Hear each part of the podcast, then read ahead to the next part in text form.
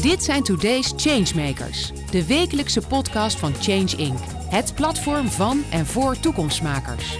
Iedere week gaat Paul van Liemt in gesprek met de mensen die vandaag al grote stappen zetten.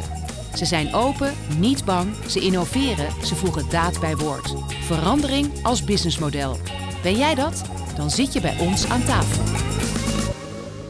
Nu we na corona weer volop op kantoor werken, is het volgens Jan-Willem de Kam belangrijk dat we in een omgeving werken die zowel stijlvol als duurzaam is. Met VEPA ontwikkelt hij zoveel mogelijk recyclebaar kantoormeubilair gemaakt van reststromen. Welkom Jan-Willem. Dankjewel. Ja, we beginnen Leuk altijd. zijn, eh, ja. ja. het is een heel leuke, waanzinnige omgeving ook. Hè? Lekker Ja, weer buiten. ja, Op het moment dat nou, wij opnemen, het is echt eh, waanzinnig. Hoe ben je hier gekomen met, eh, met de auto? keurig met de auto, ja. ja. Nou, je ziet er mij nog steeds opgedroogd met de fiets. Dat is een minder goede keuze in dit geval, wel Maar duurzaam. maar ja. met de fiets wordt toch een uitdaging. Ja, zeker. Jouw nieuws van de week, wat, wat is jou vooral opgevallen? nou, eigenlijk gisteren dat onze kroonprinses toch niet meer veilig over straat kan. Ja. Dat vind ik nou ja, wel een kenmerk van, eh, van deze tijd. En Maar hoe bedoel je kenmerk van deze tijd? Want dat is wel interessant. Nou, onveiligheid in het algemeen. Eh, of, het nou in, eh, of het nou in Europa is, eh, in Oekraïne, of het is eh, dicht bij huis. Eh, ja, blijkbaar eh, eh, is de criminaliteit, criminaliteit op, dit, op dit moment zo hoog. Of hebben zoveel invloed dat dit soort dingen kunnen gebeuren. Nee, dat is inderdaad eh, dat uh, Dat vind ik, eh, zorg, vind ik echt zorgwekkend. Nee, Ja. dat snap ik. Het woord ondermijning, dat is het eigenlijk wat hier allemaal onder valt. Er wordt georganiseerde misdaad, eh, boven- en onderwereld door elkaar. En eh, daardoor eh, ziet het er minder veilig uit. Eh, toevallig hangt het ook samen met klimaat, hè? veiligheid en klimaat. Eh, je hebt een geweldige generaal, toch Tom Middendorp, die daar ook heel veel over spreekt. Ja. Pas boek over geschreven, Klimaatgeneraal. Daar zijn we meteen ook eh, bij jouw werk terechtgekomen. Want ja, eh, het gaat niet alleen in deze tijd over veiligheid, het gaat ook over klimaat. En uiteindelijk is dat ook belangrijk voor onze veiligheid natuurlijk. Dat, eh, dat de boel overstroomt en de bosbranden niet eh, doorgaan Ja. en noem maar op. Nou, als oud beroepsofficier eh, heb ik daar ook wel wat mee. Dus wat dat betreft. eh, Nee, zeg, wat een toeval hè. Die achtergrond is er ook nog. Ja. Nee, dat is echt, ja serieus. Ik heb, ik heb KMA gedaan. Ik ben tien jaar heb ik nog bij Hare Majesteit mogen dienen tot en met de rang van kapitein. Dus ik heb er nog steeds een warm gevoel bij. Oh, maar ik dacht dat je een keurige rechte houding ook Ja. overgehouden. Dat is heel mooi, dat Nou, scheelt ook. Dat is wel 30 jaar geleden hoor. Maar ik heb er vooral slechte knieën overgehouden. Oh, dat ook. Ja, dat helaas wel. Ja. Nou goed, nee, dat is heel mooi. Ben je op deze twee terreinen gewoon heel goed op de hoogte. En dan kom je uiteindelijk eh, terecht in de wereld van, van het kantoormeubilair en de reststroom. Is het wel aardig om toch dat verhaal even te vertellen, hoe dat gegaan is? Ja, kijk, ik ben een beetje, eh, nou, mijn vrouw zou zeggen, laat dat beetje maar weg, een beetje eigenwijs. en, ik, en ik wil gra- vooral graag wat dingen doen. Dus ik, ik hou niet zo van praten, maar ik wil graag dingen doen. Oh, dat is jammer voor deze, maar dat maakt niet uit. Ja, ja, maar, nee, maar ik heb toch het gevoel dat ik nu wat doe. Ja. Dus eh, kijk, en bij Defensie hadden we in de tijd dat ik er zat, was het vooral heel veel oefenen en heel veel praten, maar verschrikkelijk weinig doen.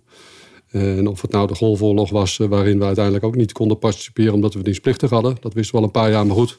Of het nou de muren, die, was die omviel. En we bleven nog steeds oefenen aan, eh, aan het Elbe-Zijtenkanaal, maar om zo te wat te zeggen. doen in Afrika en Afghanistan natuurlijk. Zo, nee, dat was ervoor. Eh, dus in 1989 viel de muur. Ja, maar die Eh, missies allemaal daarna naar Afghanistan. ja, daarna is er, is er later is er natuurlijk wel wat gebeurd. Maar in 1991 ben ik uiteindelijk de dienst uit eh, gegaan. Omdat Oh ja, ik elke, keer, elke keer het gevoel had van we doen niks. En toen wilde ik ook nog een bepaalde functie graag binnen Defensie hebben. Die we op een of andere manier eh, aan een ander werd toebedeeld. En toen werd ik een beetje dwars, recalcitrant. Nee, maar dat is eh, interessant. Als de wereld er gewoon wat, wat onrustig had uitgezien in jouw tijd, dan Ja. was je gewoon eh, doorgegaan als Ja, militair. was je misschien, Ja, misschien met, met generaal de kamp En gestaan. met alle, nou, maar met alle respect voor de. Ik, had, ik, als ze, ik heb altijd gezegd: als ze morgen zeggen van je, je moet terugkomen, dan ga ik met een glimlach weer terug. Ik vind het nog steeds een prachtige organisatie.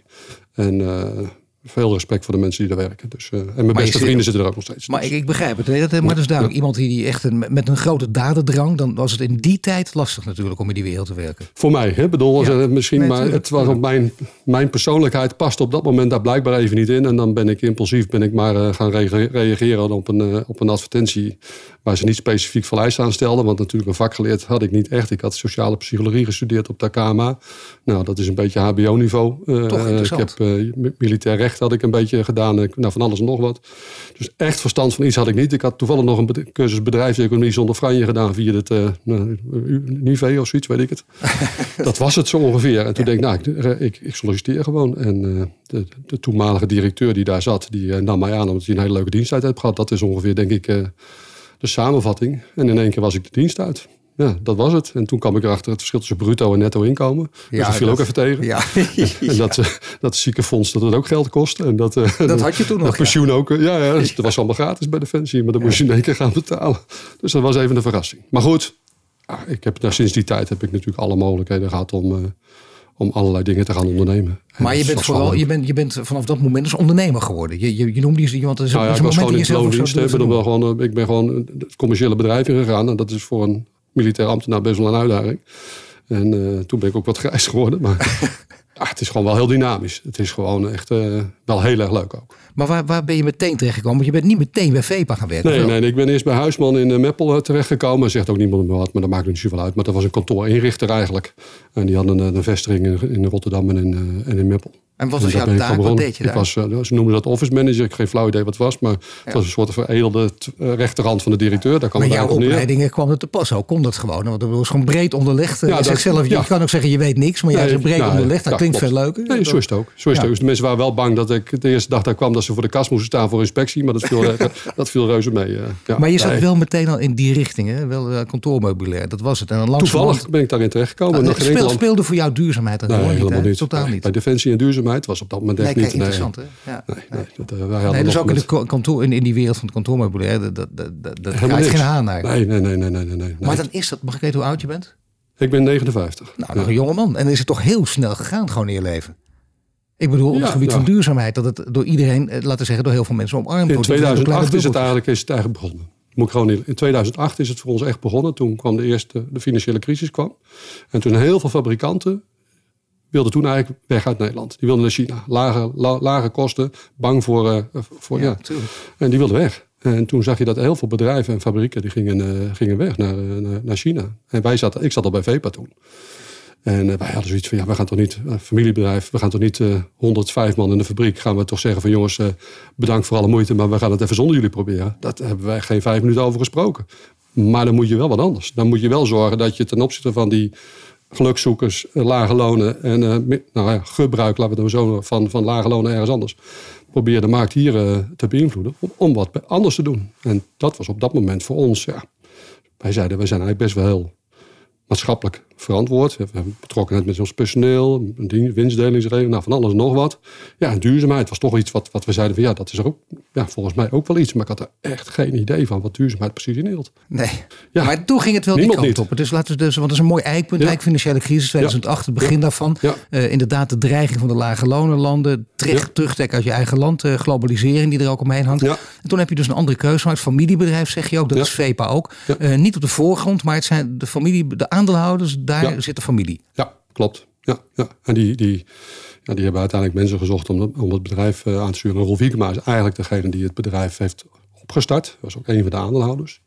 En die heeft in zijn opvolging ook gezegd... Van, we moeten eigenlijk niet meer mensen vanuit de familie... die moeten eigenlijk ja, op zoek gaan naar, naar professionals, laat ik het dan maar zo eh, zeggen. Nou, die, die, die dat bedrijf ook goed eh, kunnen aansturen. Daar hebben ze echt jaren de tijd voor genomen. En we hebben nu een directieteam waarvan ik, nou, waar we blind op elkaar vertrouwen. Maar te gek Dus eigenlijk is- om, om, om dit verhaal zo neer. Want het is ook, je, bedoel, je bent er gewoon open en eerlijk in. Je zegt, je had er eerst niets mee. Daarna Nee. heb je er alles mee gekregen. Of steeds meer mee gekregen. Omdat je ziet dat duurzaamheid loont. Is het, is het ook nog ergens eh, ideologisch gedreven langzamerhand? Of niet? Of is het voor Nou, jou vooral zeker. eh, Ja. lonend? Nee, je gaat niet bij Defensie werken voor de centen. Ik bedoel, eh, dat, dat, is, dat doe je om een andere reden. Ik, heb- mijn, nou, mijn familie komt uit Rotterdam. Eh, ik heb echt wel meegekregen van de oorlog. Mijn vader heeft de oorlog heel bewust meegemaakt eh, in Rotterdam. Ja. Eh, ik heb, die- in mijn jeugd nooit rijst mogen, willen, mogen eten of kunnen eten. Omdat mijn vader gewoon eh, na de oorlog heel veel rijst heeft moeten eten... om weer zijn maag weer eh, op orde te krijgen. Ja. Eh, dus ja, de, de vrijheid was wel iets wat mij dreef. Dus daarom ben ik Defensie gaan, gaan werken. Ik het- maar, dan- maar daarna duurzaamheid bij, bij, bij ja, heel- VEPA. ja, maar een drive in je leven, waarom je dingen doet, is wel heel belangrijk. Ja, geld verdienen vind ik, dat interesseert mij niks. Ik ben ik heel. Ik zal, Maar vinden de aandeelhouders van VEPA dat ook fijn dat je dat zegt? Ja. Dat Zij- jij niks verdient, maar zij willen natuurlijk wel. eh, ja, maar ik denk uiteindelijk geld is een gevolg van de dingen die je doet. Niet een, ja, misschien kan je ook, je kan ook wel met geld geld verdienen. wat is Maar, jouw dat, ik zou nooit bij een bank wat willen is jouw werken. drijfveer om bij VEPA te werken dan?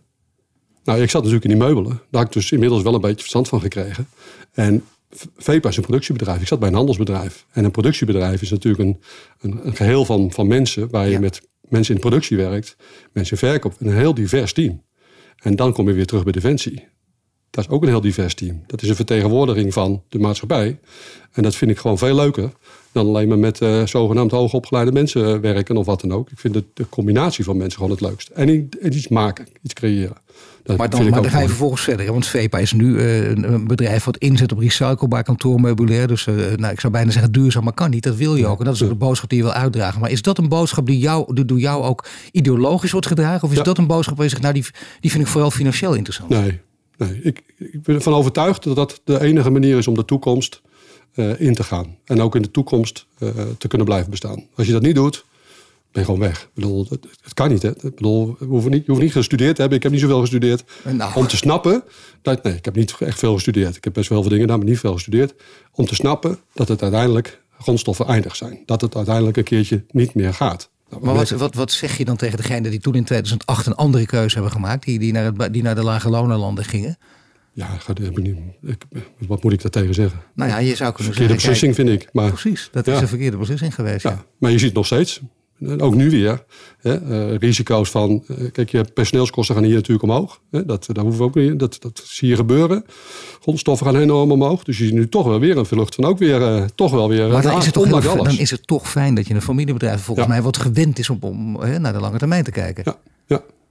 Nee, maar dat, ik, ik ben 100%, 100% blij. Ik werk niet voor niks al 18, bijna 19 voor jaar. Mensen, dus- Voor mensen die VEPA niet kennen. Uh, het, het, ja, kijk, dan zeg je, is het, is een grote wereld, een concurrerende wereld? Zijn jullie, zijn jullie eenzaam aan de top? En je mag het zo eerder mogelijk zeggen. Ik zeg gewoon het is. Kijk, we, er zijn in de markt, zoals Arend en Gispen, dat zijn, die, die, kent iedereen denk ik wel. Hè? Dat zijn partijen die fabriceren en direct aan de markt leveren. eigenlijk de marktleiders altijd geweest. VEPA is onderdeel van de Fair Furniture Group. Er zitten een, aantal andere, EOMS Marco is een schoolmeubelfabriek. Ja. Wij, wij, zijn eigenlijk uh, de laatste jaren de runner-up geweest om uh, de gevestigde orde, zou ik maar zo zeggen, onbewust uh, aan te vallen. En dat was geen doel op zich. Maar we hebben het gewoon geprobeerd op onze manier te doen. En daar zijn maar we succesvol wel, in. Met, met, met wat toen een mobieus woord als disruptief. Dat zijn jullie nog steeds. Of dat waren jullie. Of zijn jullie nog steeds? Het, ja, we zijn nog steeds een beetje eigenwijs. Ja. En, en hoe, nou ja, dat past helemaal bij ja. Zo. Nou ja, dat, we vinden het gewoon leuk.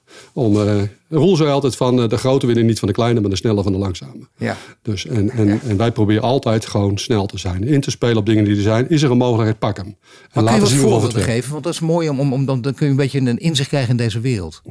Um, als je bezig bent met, uh, met verduurzamen, dan. Uh, wij, wij, hadden een, een, fabriek die maakte metaal, metalen kasten op kantoor. En houten, we hadden ook een fabriek die maakte houten kasten. VEPA maakte van oorsprong houten kasten. Voor op kantoor en laderblokken. Nou, die kennen we allemaal. Ja. Een gemiddeld mens uh, die op een wat ouder kantoor zit, heeft een stalen kast en een stalen laderblok. Ja. Die maakten wij bij Drenthe, ons zusje. Nou, we zijn samen gegaan uiteindelijk. Maar goed, dus je had twee keuzes, hout en staal. Maar niemand wilde een houten laderblok. Iedereen, alleen als je bij de geestelijke gezondheidszorg werkt, had je een houtladerblok. En een houten kast. Ja, dat was gewoon zo. Nee, in de zorg. Daar hadden ze dat, dat soort. Ja, ja, maar elk gerespecteerde kantoor, die had een metalen kast. Op een of andere manier. En waarom? Zeg het maar. Dat was in, dat is in Nederland zo, België zo, Frankrijk zo. Maar, en in Engeland zo. Maar in Duitsland, de Scandinavische landen, Duitssprekende landen, is allemaal hout. Waarom? Omdat de ene staalproducerend land is en de andere een houtproducerend land is. Is een beetje cultuur. Maar als je naar duurzaamheid gaat kijken. En, en wij gingen op een gegeven moment uit VEPA als een, als een underdog, omdat wij die stalen kasten niet maakten. Zijn we gaan kijken, maar wat, wat, waarom doet hij het zo? Waarom doet hij het zo? Wat, zou nou het, wat is het voordeel van het een en het ander? En we hebben toen professor Han Brezet gevraagd, die, waar onze hoofdproductontwikkeling destijds was afgestudeerd.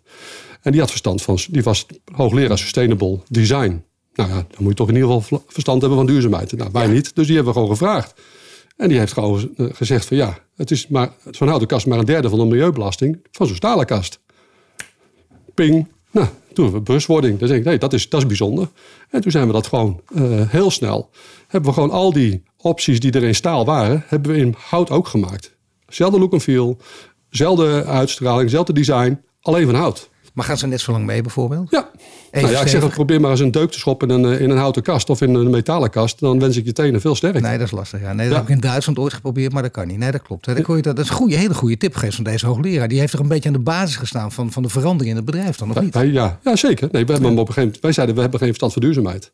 Dus uh, wie wel? Nou, dan stak niemand zijn vinger op uh, binnen ons managementteam. Behalve onze hoofdproductontwikkeling. Hij zegt, ja, ik niet, maar ik ben afgestudeerd bij. Dus hier we aan, dat bellen we hem. En die is langsgekomen. En die had iets met Groningen, die had iets met Noord-Nederland. Die vond het leuk ook. Die heeft een student bij ons neergezet. Die heeft een jaar bij ons gewerkt, heeft ons geholpen. En dat was het eerste stapje. In 2010 uh, presenteerde zij het, het eerste resultaat van, van waar we stonden en wat we al goed deden. Maar mag geweldig over disruptief gesproken. Dan durf je dat gewoon, dan zet je een andere cultuur binnen. Is het dan vervolgens lastig voor de, voor de, voor de commerciële afdelingen om dit erdoor te drukken? Omdat mensen toch gehecht zijn aan metaal. Dat, dat is verandering vindt iedereen bijna lastig. Dus dat zou je kunnen zeggen, dit is ook moeilijk. Nou ja, goed, maar als je, als je een, een oplossing biedt voor een betere toekomst, voor, voor, dan hebben ze een verhaal. Elke, de commissie zoekt een verhaal. Dus de commissie wil een verhaal vertellen. Nou, als je dat verhaal maar A, dat een mooi verhaal is, het klopt ook nog en het is onderbouwd, ik voel, we hadden echt, Achmea was een van onze grotere klanten. En daar zat een, een, een man, Dick Kardinaal. Dat was eigenlijk een, de, de goeroe op, het gebied van kantoormeubilair. Omdat hij dat al honderd jaar inkocht. En als Dick het niks vond, was het ook niks. Dat was ongeveer een beetje... Ja, mooi. Ja, en, als je, als je een, een nieuw iets had te vertellen, dan moest je eerst langs Dick. En als die dat dan... Nou, dus wij gingen ons eerste verhaal presenteren aan, aan Dick. Van uh, wat vind je ervan? Uh, van uh, nou, bla bla. Hij zegt, ja Willem, dat is het eerste verhaal wat ik geloof. Hij zegt, maar wat heb ik eraan? Ik zeg, hoe bedoel je? Nou, wat levert mij dan op? Wat is, wat, hoeveel duurzamer is het dan? Hoeveel uh, is het dan goedkoper of duurder? Wat levert me op? Ja, dus ik zeg nou in ieder geval dat het duurzaam is. Ja, maar hoeveel dan? Ja, ik zeg, weet ik niet eigenlijk. Oké, dan gaan we dat meten. Dus dan hebben we LCA's laten uitrekenen van, van het een, life cycle analysis. Wat, wat is de belasting van dat product? En, en toen bleek dat het dus, wat ik net zei, maar een derde van de milieubelasting was. Dat was dankzij Dick. Want die zei, hoeveel dan? Geweldig. Heb je, heb ik een... En heb je de harde data ook, dan weet je, dat, is, is een enorm verschil inderdaad. Dat is heel groot, maar eh, de P van prijs is voor bijna iedereen en alles toch nog steeds leidend. En hoe zit het daarmee? Het grappige is dat sommige producten helemaal geen moeite hadden om uh, dezelfde prijs te halen en sommige wel. En wat we wel geleerd hebben, dat als de prijs hoger was, dat het niet gekocht werd. Dus dat we zelf de prijs kunstmatig bij sommige producten hebben moeten verlagen om ze wel te verkopen. Maar goed, ja. dat hebben we daarvan geleerd. Ja, maar dat was ook een beetje omdat we natuurlijk in de eerste instantie reageerden op wat er was. Dus je gaat jouw, jouw, jouw design uh, aanpassen op het design wat er al was. En dan heb je dus nadelen van jouw, van jouw materiaal soms. Daarna zijn we dingen gaan ontwikkelen op basis van de kenmerk van het materiaal. En dan kan je de voordelen van het materiaal gebruiken in je nieuw product. En dan heb je niet meer dat de prijs uh, direct een uh, en dan probleem kun nee, nou, omdat de prijs dan net iets hoger ligt, of die kan zelfs onder de prijs die kan onder de, Ja, ik zal maar een voorbeeld geven. Heel veel mensen op kantoor hebben zo'n ribbeldeurkast, zo'n zo'n jaloeziedeurkast, oh, ja, zo'n ratelkast. Ja, dat, ja, die uh, ja? vaag ken ik ze nog. Ja, nou, vaag ken, nou, maar dat, dat was heel lang, is dat, zo'n deur ging open, een klerenherrie. Als die deur open en dicht ging. Maar dat werd verkocht op, omdat het heel functioneel was. Want er hoefde geen deur. Je had geen ruimte nou, nodig voor de kast om. Dat is ook, ja, maar waar wil je anders staan? Ik bedoel, in die ruimte moet je toch staan. Dus die ruimte moet altijd vrij zijn. Waarom niet gewoon een deur? Heb jij thuis wel eens een keer zo'n rippeldeurkast neergezet omdat je hem zo praktisch en handig vond? Nee, dat is waar. Ik heb hem nog nooit gezien. hij staat hoogstens in de garage omdat hij handig is om even in de nee, garage. Het is eigenlijk inderdaad een soort lulverhaal ja, als je het zo vertelt. Ja, dat nou, dat is zo precies. Het je zou bij Defensie hebben kunnen werken, maar het is gewoon een lulverhaal. ja, dat was het ook. Ergens, maar wij, hebben, wij noemen dat het, het IKEA alleen bakken syndroom. Wij zijn een beetje, we denken als een kast van hout is, dat hij in elkaar valt na een jaar. dat is natuurlijk niet zo als je hem goed maakt. Is hij gewoon echt, van de Duitsers zijn niet gekken. Dus je kan van Duitsers ook zeggen, maar ze zijn niet gek. En ze houden van eh, de producten die goed zijn en lang meegaan. Nou, dat is met die kast hetzelfde. Nee, fantastisch natuurlijk. En dus inderdaad ook tegen een zeer betaalbare prijs. Van concurrerende prijs, dat is een belangrijke. En je zegt het verhaal doet er ook dus belangrijk. Een belangrijk verhaal dat er echt aan VEPA ook gekoppeld wordt. Heeft te maken met, met dat, uh, volgens mij dat, dat afvalplastic in die Amsterdamse grachten. We zijn hier toch in Amsterdam in onze studio hier op Westbeat. Misschien aardig om dat even te vertellen. Want wat is precies de relatie die jullie daarmee nou, hebben? We moeten daar in Plastic Wil gewoon dankbaar zijn. Want we, we waren al heel lang we waren al bezig met afvalplastic, gerecycled PET, toe te passen in producten. We hadden die producten al. Alleen wij zijn A, VEPA, dus niet, uh, niet wereldbekend. B, komen we uit Drenthe, dus we zijn ook niet zo dat we van de daken schreeuwen. Dus ons marketingverhaal was niet zo helemaal fantastisch. Dus we, hadden een beetje moeite om die goede dingen die we deden, om dat voor de bühne te brengen. En toen Marius Smit van uh, Plastic Wil ons benaderde, hij zei, ik heb een idee. En ik wil eigenlijk van Amsterdam schachtenplastic wil ik eigenlijk meubilair maken. Uh, want ik kan geen bootjes meer neerleggen voor, want ik, ik heb geen lichtplaatsen meer, dus ik heb bootjes genoeg. Ik wil meubilair maken. Uh, zou je daar wat voor voelen? En toen dacht ik, ja, potdomme, dat is wel gaaf. Als, dat zou, als dat zou kunnen, als we van dat plastic, en hij had er alle ideeën, nou Marius kan je één ding, jij kan echt een heel mooi verhaal vertellen. Ja. maar ik had ook het gevoel van, we gaan het ook doen. En we hebben gewoon gezegd, we gaan het doen. En uh, Lama hebben we erbij betrokken. Uh, Marius had Lama erbij als, als een Amsterdamse ja, ontwerperduo erbij betrokken. En we zijn gewoon aan de gang gegaan. We hebben anderhalf jaar onze hele productontwikkeling stilgelegd. Die heeft niks anders gedaan. Met alle projecten die we al hebben stilgelegd. We zijn anderhalf jaar bezig geweest. Maar dat is ook goed trouwens. Zo'n organisatie is het ook waar meteen geschakeld wordt. En dan, ja, is dat, dan gaat het wel top-down. Wordt gezegd, we gaan dit doen of niet? Ja. Nou ja, top-down. We hebben, nou ja. zo top. We hebben niet zoveel top. Hè. Ik bedoel, oh, ik ben de enige top. Dus ik ben oh, met, onze, met onze productontwikkeling, wat mijn eigen broer ook nog eens een keer is. Dus ik zeg, wat vinden we Die zijn ook een familiebedrijf. Nou ja. Nou ja, goed. Bij we hebben geen enkel aandeel. Of, eh, maar, jij, je broer, maar jullie zeggen wel, we gaan dit doen. We gaan anderhalf jaar ja, niks als, als we productontwikkeling hebben gezegd van, jongens, wat vinden we van? Volgens mij, dit past ons. Dit is iets wat, dit, wat ons helpt ons verhaal te vertellen. Laten we het, laten we het gewoon doen. Ja, en toen wisten we ook niet dat het anderhalf jaar ging duren. Als je dat van tevoren had geweten, had je er misschien niet aan begonnen. Gelukkig wist ik het niet van tevoren. Maar ja, het heeft wel heel veel oponthoud gegeven in je standaard ontwikkelen. Achteraf nul spijt hoor, voor alle duidelijkheid. Waarom, waarom nul spijt? Wat heeft jullie, nul spijt. Wat heeft het jullie, nee, nul, maar waarom dan? Wat heeft het jullie gebracht? Het heeft ons geleerd dat je ook een vehikel nodig hebt. Iets nodig hebt om je verhaal te vertellen. Mensen moeten dingen snappen. Het moet tastbaar worden. En moeilijke verhalen, als je duurzaamheid ingewikkeld maakt of moeilijk maakt, dan vinden mensen het gewoon niet leuk. Met een draai af natuurlijk. Mensen, je moet duurzaamheid moet je gewoon leuk nee, maken. dit is een geweldig verhaal. Dat is voor altijd ook aan jullie gekoppeld. Dat verhaal kun je hier ook dat kun je overal vertellen. Dat, dat is gewoon aanspreekbaar, begrijp ik. Jullie werken ook met, een, met een ander bedrijf, eh, Plantix, uh, werken jullie samen. En dat moet ik even citeren. Uh, dat bedrijf uh, voor een stoel hè, ontving in 2021 een prijs, Renewable Material of the Year 2021. Partij waar jullie mee samenwerken. Is, is dat dan ook een belangrijk verhaal of niet?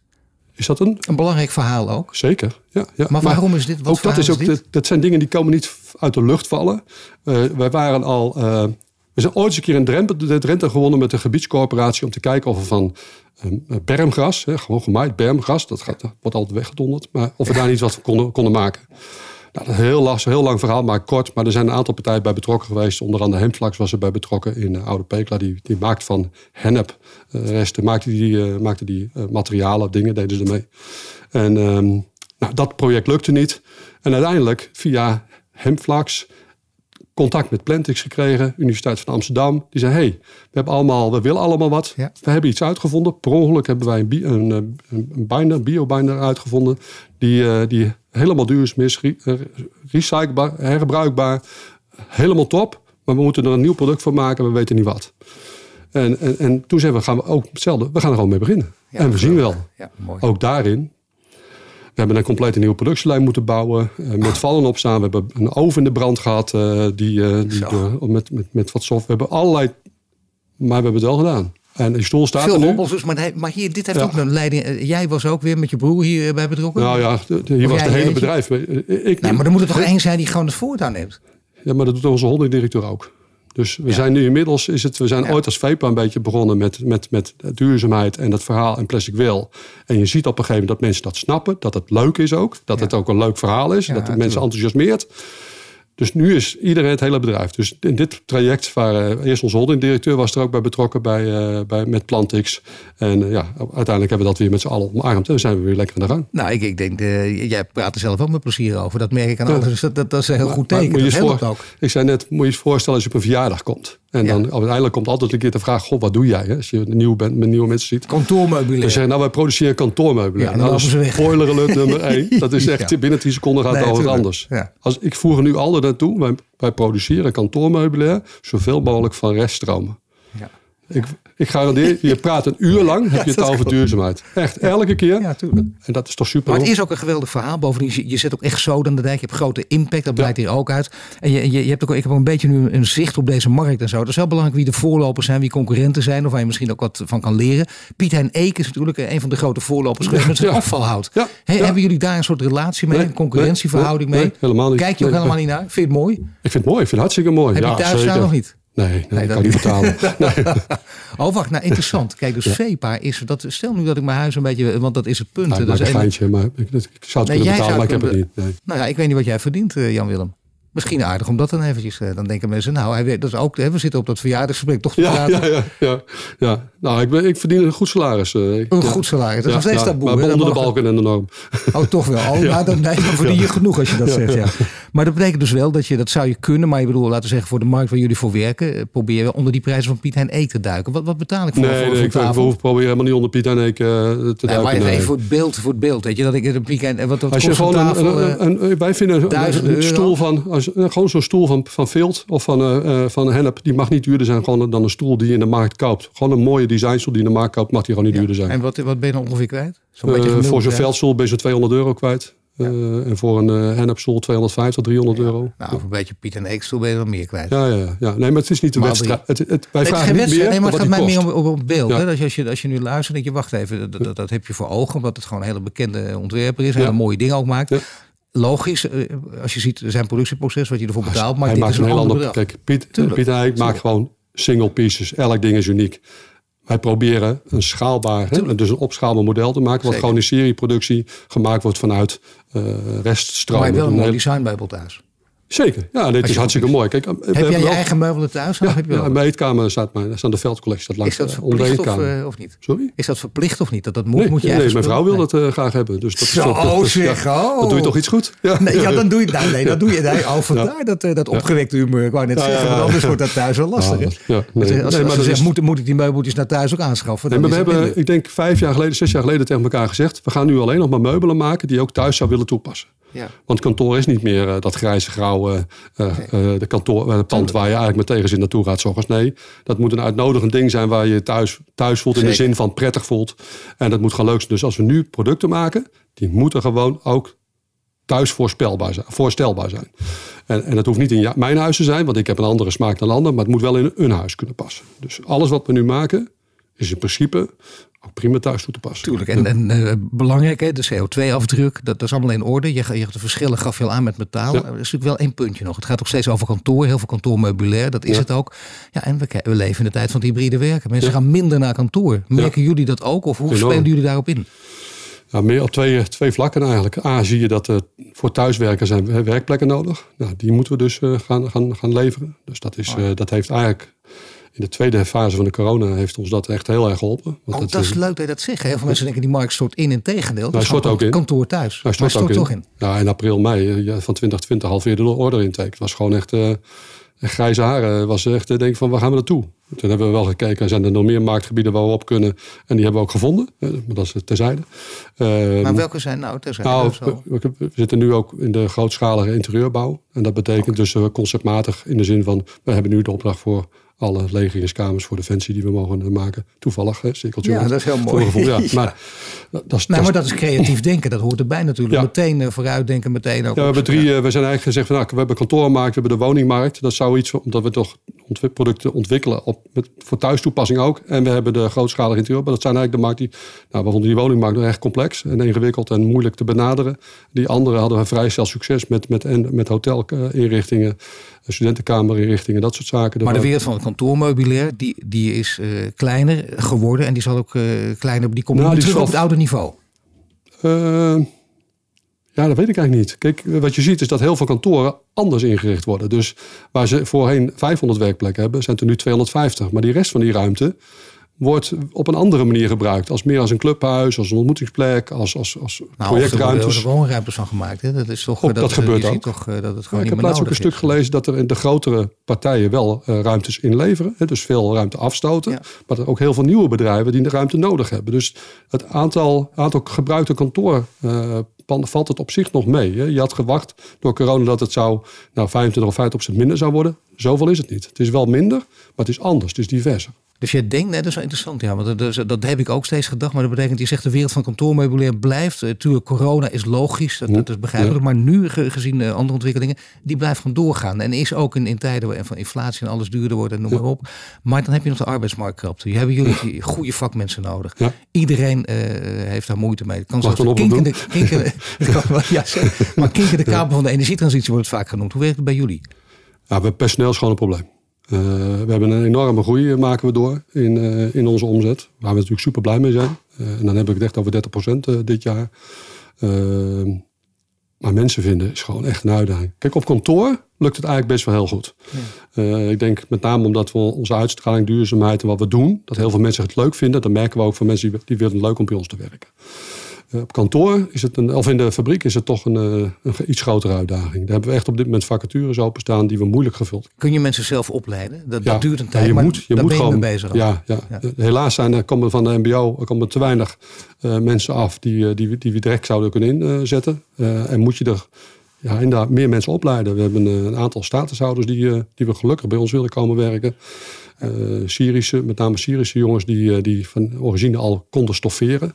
Dus die hadden of een bedrijf in stofferen of ze stoffeerden ja. zelf. En nou, die hebben wij zelf opgeleid samen met een, uh, met Maram, een onderwijsinstelling die individueel les geeft bij ons op de fabriek. Dus die jongens krijgen vanaf half negen tot tien elke dag Nederlandse rekenen op de locatie. De gemeente helpt daarbij, gemeente Hogeveen. En zo hebben we toch op die manier weer mensen weten te werven. Maar in de breedte hebben we gewoon nog nou, tussen de 10 en 20 vacatures. Maar uh, als, als ik een paar uh, bijna cliché-termen om mag gooien, maar als ik jou hoor flexibel en weerbaar, uh, zijn jullie wel degelijk. bovendien is dat met je poten echt helemaal in de mond. Je doet de voegt het daarbij het woord. Je wil duurzaam zijn. Ja. En het is bij jou langzamerhand sinds 2008 ook onderdeel van je leven geworden. Ja, ja. Dan ja. dank ik je voor dit gesprek. Jan Willem, je luistert naar een podcast van Change Inc. Mede mogelijk gemaakt door Achmea, Albron, Ebbingen, Renewy en Vattenfall. Bedankt voor het luisteren naar de Today's Changemakers podcast. Een productie van Change Inc. gepresenteerd door Paul van Liemt. Ben of ken jij een changemaker? Meld je dan snel aan via onze Change Inc. website. Wil je dat meer mensen geïnspireerd worden? Deel de podcast dan op sociale media. Wil je meer afleveringen luisteren? Volg ons dan nu via je Spotify, Apple Podcast of je favoriete podcast-app. En krijg een melding wanneer er een nieuwe aflevering online staat.